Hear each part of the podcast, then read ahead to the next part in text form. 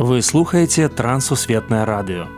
У эфіры праграма урокі гісторыі. Запрашаем у падарожжа падзей, асоб і фактаў. Вучыцеся разам з намі.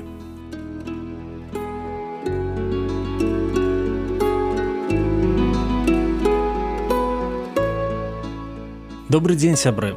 Перад мікрафонам сяржук брышцель і кандыдат гістарычных навук Андрусь унучак. Сёння мы пагаворым пра беларускую вільню. Прывітанне Андрусь. Прывітанне сяржук, прывітанне шанова слухачы. Чаму горад вільня гэта сімвал нашай гістарычнай памяці? З вільняй звязана вельмі вялікі пласт э, гісторыі беларусі. Э, у першую чаргу гэта сталіца вялікае княства літоўска куды э, уваходзіла і наша зямля і творцамі якой былі нашы продкі. Па-другое канешне францыска рына наша ніва на кастусь каліноўскі гэтак далей. З вільняй звязана вялікая колькасць беларускіх наших нацыянальных дзеячаў пісьменнікаў паэтаў. Ну, напрыклад можам сказаць як такія як францішак багушевич як алаіза пашкевич цётка і гэтак далей гэтак далей. У вільні у прынцыпе была адна з першых пратэстанцкіх церкваў а рэфармацыя настала залатым векам беларусі. І канешне з гэтым горадам звязана вялікая частка нашай гісторыі і частка славутая Чаму кажуць, што віленская беларуская гімназія гэта кузня беларускага духа. Трэба сказаць, што віленская беларуская гімназія гэта унікальная навучальная установа. Яна была заснавана 1919 годзе, спыніла сваё існаванне ў 44 і менавіта з віленскай беларускай гімназіі звязана першае пакаленне тых людзей, якія мелі беларускую адукацыю. сярэднюю беларускую адукацыю. Я маю на ўвазе у расійскай імперіі немагчыма было атрымаць беларускую адукацыю ў прынцыпе яе не было не існавала на працягу 145 гадоў каб мы разумелі вось маштаб. І якраз браты луцкевічы у першую чаргу Іван луцкевич ён налягаў на тым что нам патрэбна навучальная установа гімназічнага тыпу. Каб рухацца да універсітэту трэба стварыць гімназію. Той момант беларускай універсітэту стварыць не ўдалося але гімназію ўдалося. Там выкладалі цудоўныя пісьменнікі такія як Масім гарэцкі Наталья арсеннева з віленскай беларускай гімназіі быў звязаны Масім танк. Там фактычна была уся вось віленская беларуская інтэлігенцыя напрыклад ксён садам станкевич напрыклад браніслав тарашкевич. Былі самых розных канфесіяў вот як напрыклад ксён станкевич ён каталік а антон неканда трэпка выкладчык фізікі і матэматыкі ён быў кальвіністам евангельскім хрысціянінам ён стварыў першыя падручнікі па матэматыцы і фізіцы і фактычна вось дзякуючы таму што гэта гімназія яна існавала у беларускім нацыянальным адраджэнню беларускай нацыянальнай нацыянальнай культуры з'явілася шмат новых асобаў. Чаму так многа беларускай паэзіі просы прысвечана вільні? Вільня яна была не толькі такім цэнтрам культуры у тым сэнсе што там былі беларускія установы але вільня гэта была сімвалам беларусі і беларушчыны. Калі сябры нас гудзяць з губаю і ворагі правачаць скон тады к табе о вільня любая прыводзяць згадкі ў палон пісаў владимир жылка і ведаеце гэта была словы шчырыя што калі ну цяжка на сэрцы калі безумоўна ну складана думаць пра будучыню беларусі то трэба звярнуцца хаця бы у думках сваіх да вільні э, і пабачыць тое што э, тую прыгажосць і тую гісторыю якая звязана з вільні і тады становіцца лягчэй. І канешне э, я думаю што паэты і нашыя творцы не звярталіся да вільні каб сапраўды натхніцца і гэта натхненне перадаць іншым Чаму ў вільні беларушчына ніколі не была савецкай? Ну па-першае што сама вільня яна ніколі не была савецкай. Савецкая яна была як прыналежнасць да Савецкая саюза гэта быў цэнтр літоўскай савецкай сацыялістычнай рэспублікі але гэты горад ён не быў савецкім у тым сэнсе што там не было савецкага духу.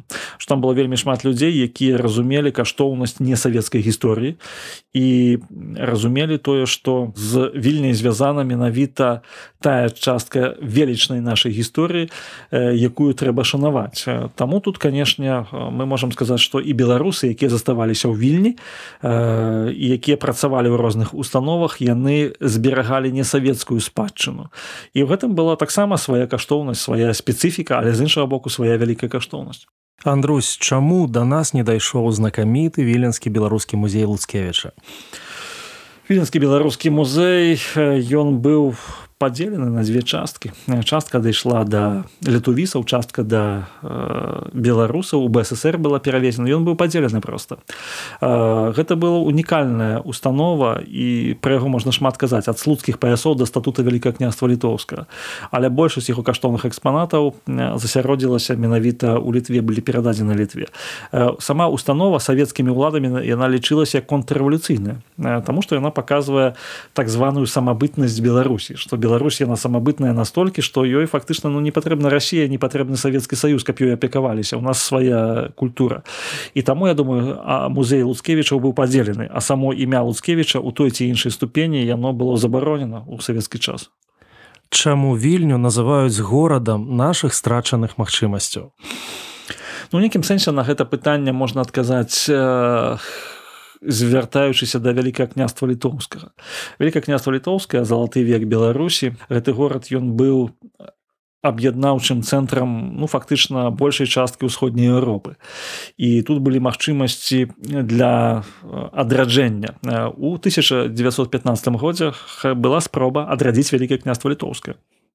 Спроба заключыць дамову з літоўцамі з палякамі з габрэямі і аб'яднаць вось усю эту тэрыторыю под адзіным дзяржаўным утварэннем якое павінна было мець федэратыўны кшталт. І вось я думаю что таксама для многіх людзей это было страчаная магчымасць что тады гэта не ўдалося зрабіць. І частка беларусі была у Польшчы частка Беларусі апынулася ў савецкім саюзе была падзелена літува стварыла сваю дзяржаву была ў канфлікце з Польшчай Польшча была ў канфлікце з беларускім нацыянальным рухам і у гэтым сэнсе вось магчымасць супольнага такога мірнага жыцця яна не была выкарыстана. Я думаю што менавіта гэта паслужыла адной з такіх прычынаў таго што кажуць пра страчанай магчымасці на сённяшні момант мы можемм сказаць што магчымасці яны страчаныя але магчыма не назаўсёды можна так сказаць хацеў бы яшчэ пра одну такую постаць сказаць безумоўна віленскай нашай гісторыі гэта постаць францішка барушевича. Франішак барушевич пэўны час у канцы свайго жыцця ён жыў у вільні. Под вільняй жыў але вельмі часта было ў вільні. І ён натхняючыся вось гэтымі вулкамі вільні ён стварыў сваю незабыўную дудку беларускую смык беларускі. І менавіта там вось прагучалі такія словы не пакідайце ж мовы нашай беларускай каб не ўмёрлі. І безумоўна гэта актуальна для нас і сёння.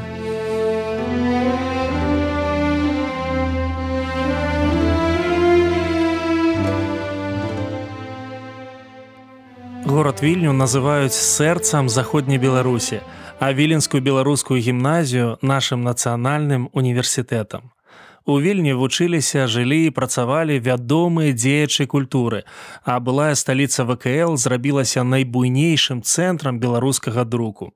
Можа, па дарозе ў вільню Якуб колас і напісаў свае радкі да паэмы новая зямля. Дарогі, вечныя дарогі, няма канца вам ні супыну, вы жывы кожную часіну.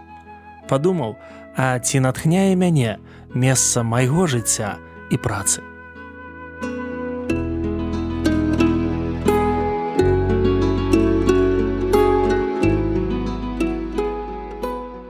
Дзякуй, што далучыліся да нашага праекту. Калі ў вас ёсць пытанні, пішыце калі ласка на адрас.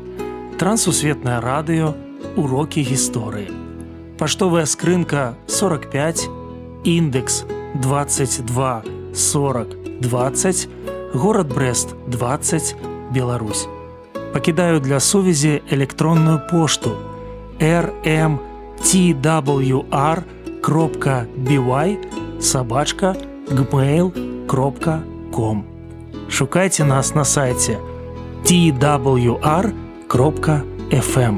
Да новых сустрэч!